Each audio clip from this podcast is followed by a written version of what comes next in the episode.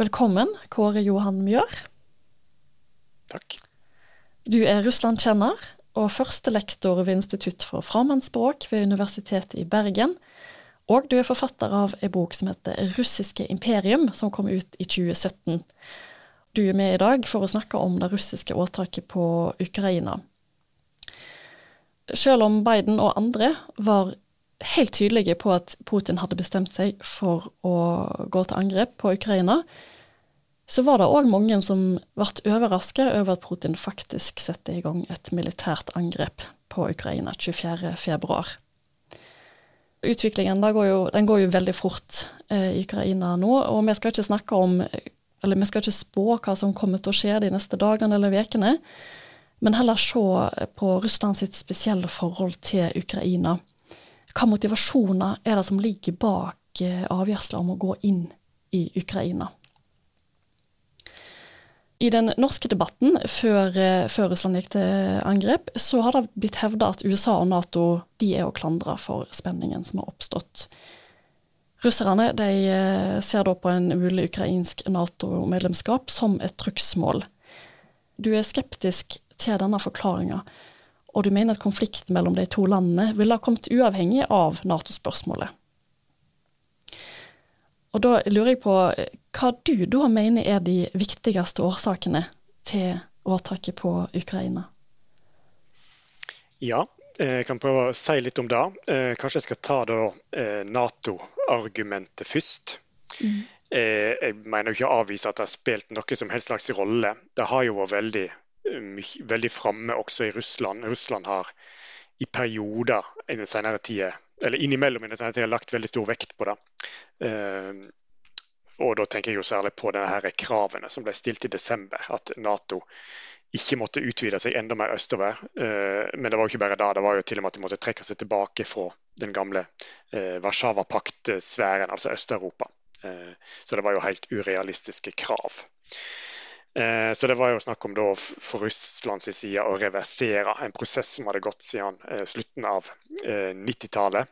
Altså de første, første Nato-ekspansjonen østover skjedde jo i 1999 eh, i Sentral-Europa.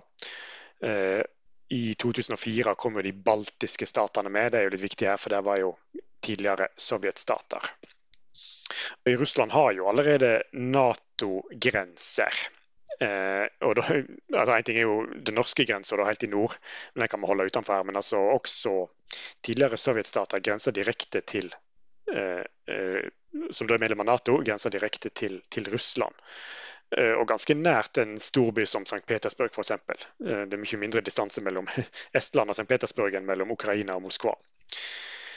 Eh, så det er jo et, et, et argument for at den, vi ikke helt tror på at eller jeg og flere av meg ikke helt tro på at denne Nato-trusselen var det viktigste. For, for, Russland har jo allerede grenser til Nato. og eh, Jeg tror ikke de egentlig tror at Nato kan komme til å angripe dem, selv om det blir sagt. Um, ja, får jeg bare Unnskyld at jeg skyter inn her, men uh, han er jo veldig tydelig på det, Putin, i uh, både talen sin som han holdt 21.2 og, og 24.2, om at de føler seg trua av Nato. Ja. Mm. Og det henger ikke helt på greip, altså. En atommakt som Russland. At en skal føle seg trua av at Nato eh, får noe mer grenser. Jeg skjønner at de ikke liker Nato, eh, men eh, at det skulle i seg selv være et motiv for å gå til krig mot Ukraina, eh, syns jeg ikke er overtydende. Eh, jeg tror det jo handler mer om hva Ukraina betyr for Russland. Eh, politisk, økonomisk, ideologisk eh, i Putins tankesett, Kremls tankesett, for mange russere. Eh, og at tanken på at Russ Ukraina skal vende seg vekk fra Russland og mot Europa, eh, er en av de viktigste forklaringene her. Kombinert med et eh, stormaktsbilde, en selvforståing av Russland som stormakt, som du finner hos Kreml. Eh, og skal du være en stormakt, så må du ha eh, må ikke bare være stor og mektig, du må òg ha eh, lojale stater rundt deg. Interessesfære, som en gjerne kaller det. Og der vil jo Ukraina spille en hovedrolle. At Ukraina skal være en stat som oppfører seg ikke så ulikt det Hviterussland har gjort lenge og gjør. Ja. Og da Du nevnte noe om dette stormaktsperspektivet til Russland. Vi skal komme litt innom både altså, historien som Russland og Ukraina har felles etter hvert. Men, eh, men, du mener at det er åpenbart, eller det har vært åpenbart lenge at Putin har et pågående prosjekt med å utvide maktsfæren til Russland. Hva slags virkemiddel er det han har brukt eh, for å få til det? Eh, det er flere. Eh, det mest eh, opplagt å nevne her er jo denne prosjektet om en eurasisk økonomisk union, eh, som har vært et prosjekt for å reintegrere den tidligere Sovjetunionen. Altså skape på nytt et uh, tettere uh, samarbeid mellom tidligere sovjetstater. Ikke absolutt alle. Han har nok ikke tr uh, trodd at Baltikum skulle være interessert i å bli med på dette. her. De er jo EU-medlemmer og Nato-medlemmer, så det, det, de må han holde utenom her. Men de andre har han ville hatt med. Eh, og han har fått med, eller Kreml har da fått med Hviterussland, Armenia, Kasakhstan eh, bl.a. Og det spiller jo en særlig rolle her. Eh, og så vil han òg ha med Ukraina.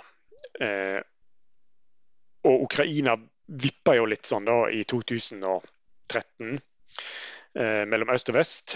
Presidenten Janukovitsj prøvde en balansegang, men det endte med at han gikk vekk fra denne her såkalte assosieringsavtalen med EU, som alt lå til rette for, og vendte seg mot Moskva i stedet for. Og det utløste de store Euromaidan, eller protestene på Maidan, som enda med den såkalte Euromaidan-revolusjonen ja, i 2014, mm. februar.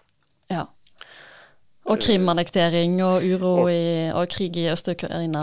Ja. ja. da begynte det for alvor, eh, må en kunne si. Altså det, konflikten mellom Ukraina og eh, Russland. Det hadde jo begynt før òg. I 2004 var det òg en, en, revolusjon i form av en, en, stor oppstand og store protester i Kiev. Eh, Oransjerevolusjonen. Eh, protester mot valgfusk og at den eh, pro russiske kandidaten ble favorisert av dette valgfusket, eh, som folk protesterte mot. Eh, og så gikk det, har det gått litt fram og tilbake etterpå det. Eh, den pro-vestlige presidenten strevde med sin regjering og sitt styre. Den pro-russiske kom tilbake, men så kom da 2013-2014. Mm. Så da at Ukraina har beveget seg mer mot Vesten, og at Ukraina ikke ble medlem av den eurasiske økonomiske unionen, da mener du er noen av faktorene her som har spilt inn at eh, glasset har blitt eh, overfylt for Putin? Ja, det var da det begynte, og så har konflikten bare dratt seg mer og mer til. Eh. Hvis vi ser litt på historien, da. For uh, Ukraina og Russland de deler jo en del historie. De har en del felles historie. Uh, og du nevnte jo òg introduksjonsvis her at at den, altså det kulturelle og det ideologiske er, er, viktig, og det gjør at Russland har et spesielt forhold til Ukraina. Kan du uh, dra oss gjennom de viktigste historiske linjene i den russiske og den ukrainske historien? Jeg skal prøve. Ja. Det er jo en lang historie, da. Um, mm. Jeg kan jo gå tilbake til det som begge nasjoner regner som sitt opphav, nemlig Kiev-riket for over 1000 år siden. Eh, både den russiske tradisjonelle måten å framskrive sin egen historie på, og den ukrainske begynner der. Eh, så da begynner vi på en plass der det ikke er noe skille mellom Ukraina og Russland.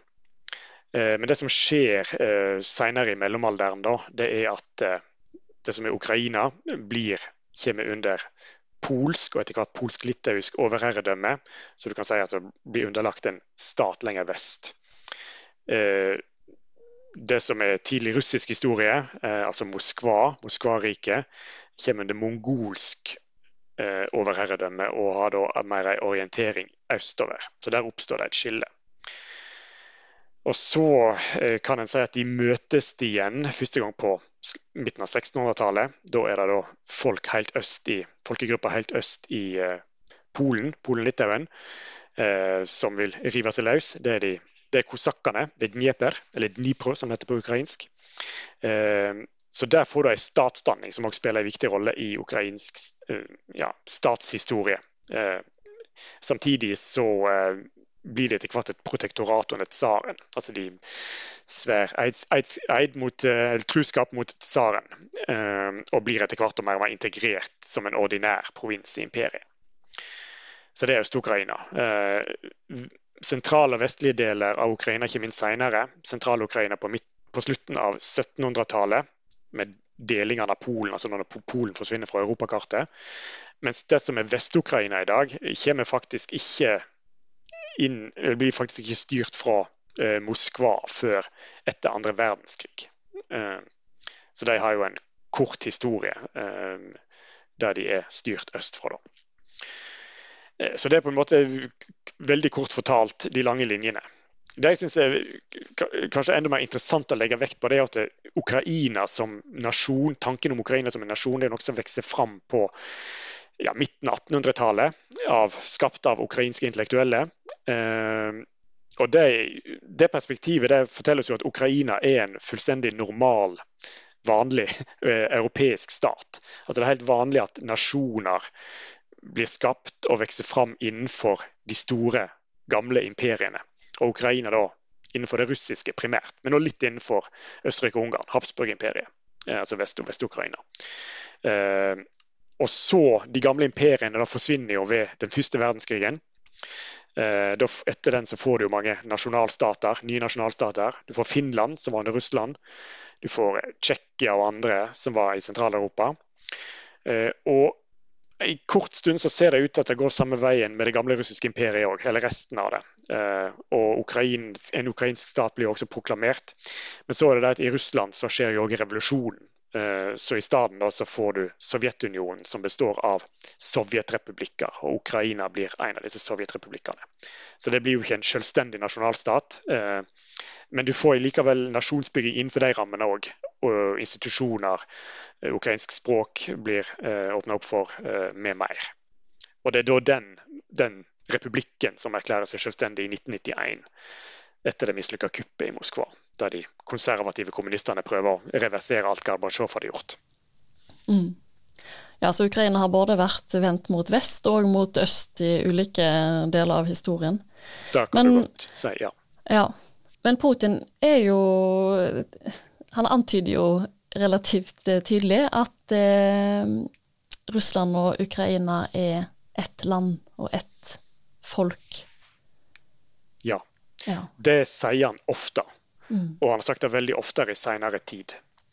Um, Hva er det han legger i da? Hvor, hvor, kommer den ideen fra? Nei, det er jo, altså Hvor kommer den ideen fra? Den kommer jo fra på en måte tradisjonell russisk historieskriving. At de, om ikke helt like, så iallfall hører tett sammen. Uh, jeg kan kanskje bare si litt om hva, hva han sier. da. Han, han sier at og Dette var jo annet en tekst som han publiserte i, i, i sommer om egenskapen mellom ukrainere og russere. Eh, men han hadde også sagt det før, f.eks. i den berømte Krim-talen i 2014, og, og flere andre ganger, at egentlig så er ikke vi to forskjellige folk, Eh, vi hører sammen.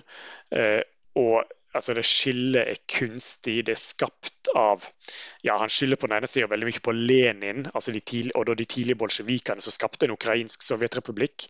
Eh, altså det, og på den andre sida skylder han på vestmakta som har prøvd å skape et Ukraina for å, for å splitte eh, ukrainere og russere.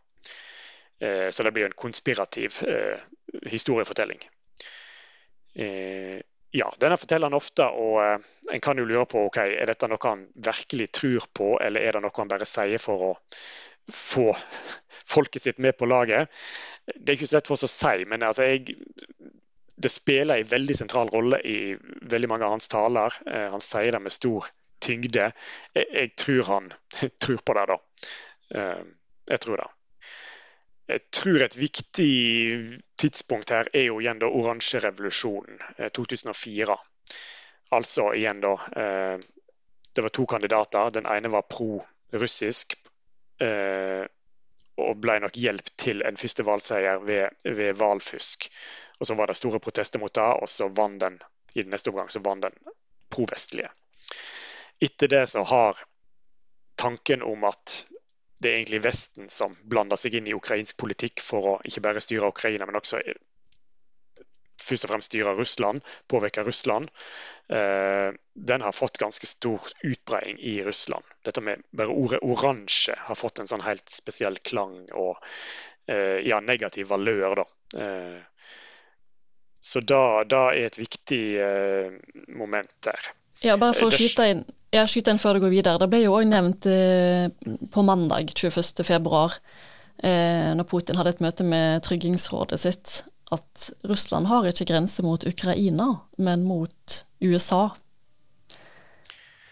Ja, eh, det er jo det konspirative. Sant? At Ukraina altså Når Ukraina oppfører seg på en annen måte enn det Moskva vil, så er det egentlig ikke Ukraina, men det er eh, Vesten som, som står bak hvis eh, Ukraina vender seg mot Moskva, så kommer Ukrainas sanne seg, sanne sjølv, til uttrykk. Det er en uh, rar tanke, men det er nok sånn de tenker, eller iallfall det de sier. da. Ukraina blir ikke suverent før de vender seg vekk fra Vesten og vender seg mot Russland.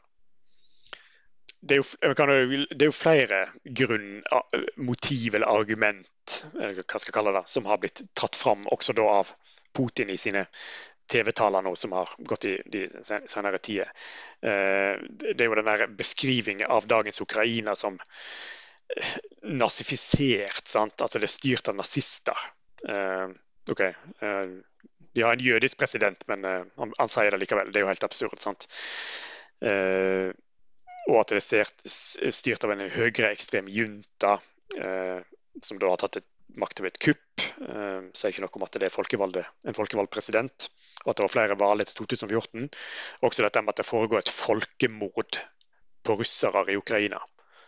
Som heller ikke går Det er jo en absurd påstand i seg sjøl. Altså, det var krig, men det er jo ikke et folkemord. Og han sier jo samtidig at vi er ett folk, så hvordan kan det da være et folkemord? Det, det går ikke helt opp heller. sant? Um, så dette er jo mer sånne rabiate grunngivinger, da. Eh, som jeg har vanskelig for å tro på tro at kan ha noe særlig gjennomslag også i Russland. Eh, det vet vi vel heller ikke så mye om ennå, men eh, dette er jo tydelig at dette er propaganda til bruk for, til innvortes bruk, sant? til bruk på heimebane. Eh, vanskelig å se at dette skal slå sånn veldig gjennom. Ja. ja. Men eh, jeg skjønner ikke helt dette med denazifisering av Ukraina. Hva betyr det? Hvorfor en snakker om at det er nazifisert? Ja. Nei, da gjør en jo noe som eh, er gjort i Russland eh, siden 2014, da. Eh, da den sittende presidenten ble kasta, eh, og det ble eh, et nyvalg etterpå. Han rømte jo til Russland. Eh, at det har gått et kupp, og at det der det var høyreekstreme som sto bak. og da har en tatt ut en, lit, en liten kjerne av en sanning, og så blåst den veldig opp og gjort til den eneste sanningen. Altså Ukraina har hatt sine høyreekstreme, og har sine høyreekstreme, eh, som veldig mange andre nasjoner. Eh, og det var en av mange grupper som spilte en viss rolle under Euromaidan-revolusjonen. Eh, men de har ikke spilt noen rolle politisk eh, etterpå. De har hatt veldig lave, lave tall ved valg. Eh, men det er det da som en, en spiller på. Eh, at Russ, Ukraina har høyreekstreme grupper som dominerer politikken, som styrer politikken. Eh, og så trekker en gjerne inn eh, fortellinger om nazikollaboratører, eh, som også Ukraina hadde. Stepan Bandera. Og gjør også det til de helt sentrale aktørene i, russisk, ukrainsk historie. Unnskyld. Jeg kan jo legge til at Det var jo etter oransje revolusjon at det skjedde en del ting i russisk politikk. Den berømte ungdomsorganisasjonen Nashi, Våre, altså sånn Kreml-lojal, Putin-lojal ungdomsorganisasjon, det var da den dukka opp. Det var også da Russia Today, i dag RT, dukka opp. Altså, og, og, dette sa de veldig sånn eh, eksplisitt da, at eh, Russland, det er et land Russland ikke har skjønt. De har tapt en informasjonskrig, altså i oransje revolusjonen. Vi må gjøre noe. Vi må påvirke verdensopinionen. Og I 2011 så var det jo nye protester i, i Moskva sant? og mange andre russiske byer. Dette husker vi jo som en protest mot at Putin skulle komme tilbake som statsminister.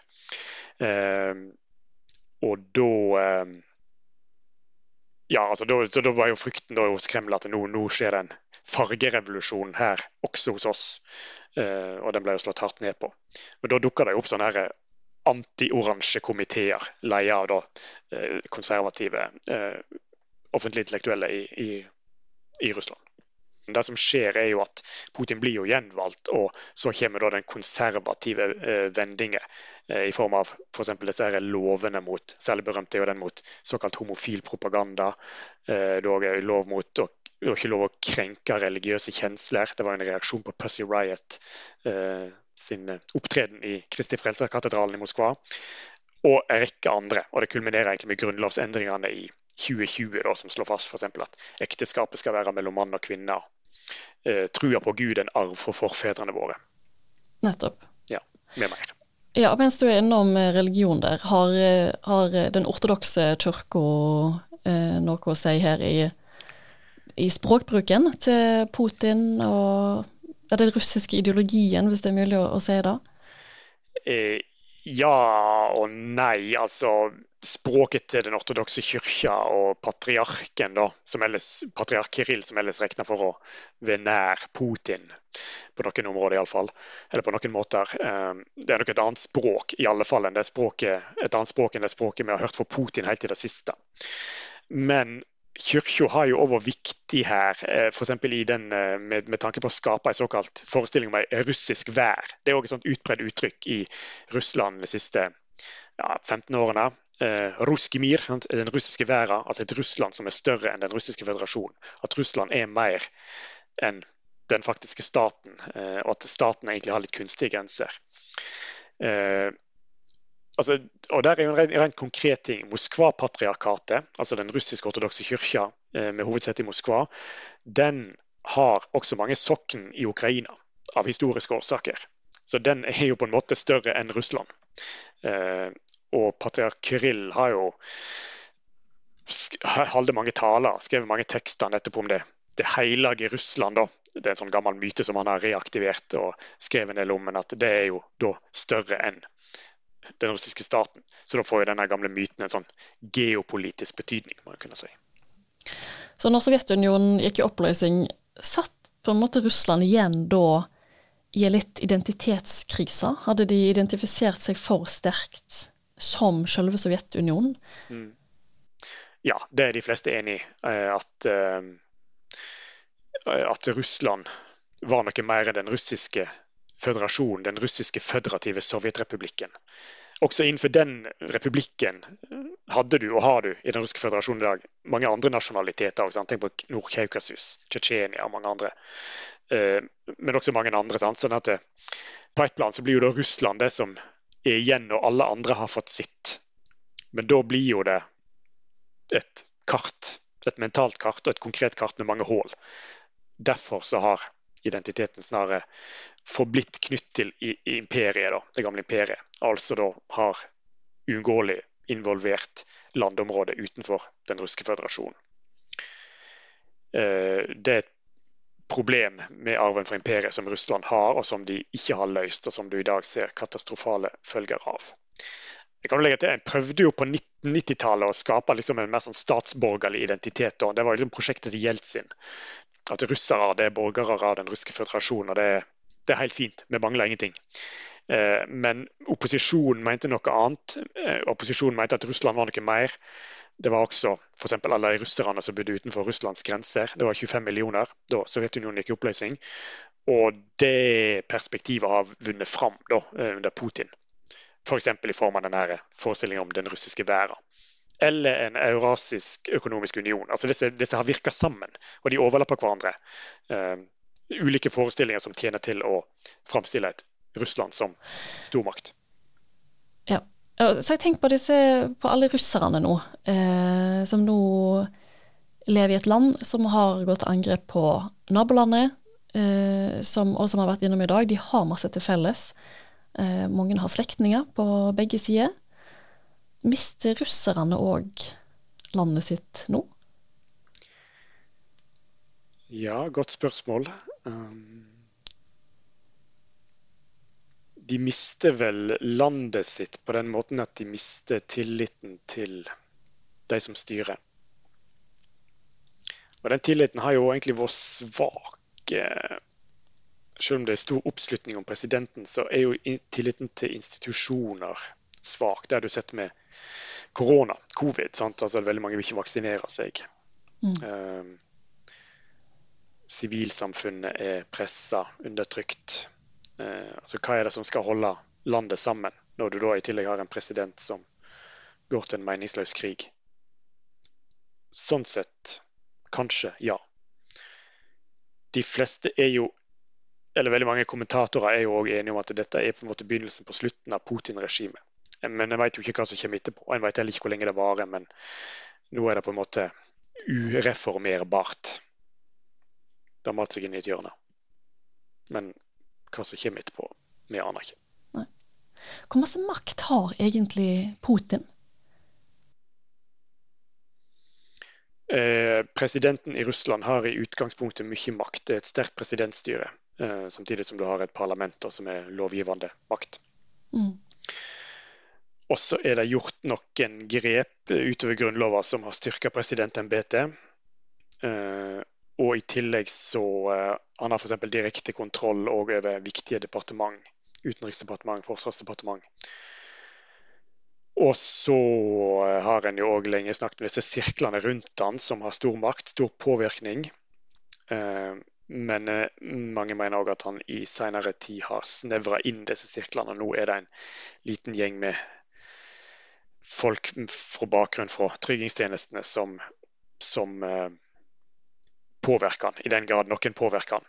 Eh, det er òg et spørsmål, da. Eller er hans autoritære regime kommet så langt at han er blitt en eneveldig hersker som folk ikke tør fortelle sanningen til? F.eks. at å invadere Ukraina er et horribelt prosjekt. Det er jo noen som spekulerer i nå. Ja. Det er jo ikke sikkert vi får vite det noen gang. Kan jeg få spørre om du ble overraska over at Putin eh, faktisk gikk inn militært i Ukraina? Ja, jeg ble det. Ehm, jeg ble det. Dette har jo òg vært en sånn diskusjon nå etterpå da, om, mellom de som har vært for naive og for godtruende om Putin. Ehm, noen forskere blir skylda for det. De trodde at hvis en bare ga Putin litt, så ville han ikke ha gått til krig. Kontra de som har sett dette komme. Men jeg, når jeg tenker tilbake nå, så tror jeg de veldig mange også som ikke kan skuldres for å være Putin-apologeter på noen måte. Altså Som ikke nødvendigvis har trodd på at Nato-spørsmålet var det avgjørende. Også de har ikke trodd at han ville gå til et sånt steg å invadere. Nettopp fordi at kostnadene ville være så høye. Både økonomisk og militært, sanksjoner og alt dette her. Og plutselig at da ville i alle fall aldri Ukraina vende seg tilbake til Moskva. Og egentlig så tror jeg jo, selv om det var feil, da, han invaderte jo, så tror jeg egentlig den eh, analysen samtidig er rett på den måten at han, nå er jo iallfall Ukraina tapt for alltid. Ja. Og han har jo bare Han har jo ødelagt alt. altså forholdet mellom den, de to statene. Så sånn sett så eh, var og er jeg fremdeles overraska, ja. Tusen takk, Kåre Johan Mjør, for at du var gjest i Dag og Tid-podkasten denne veka. Takk for praten.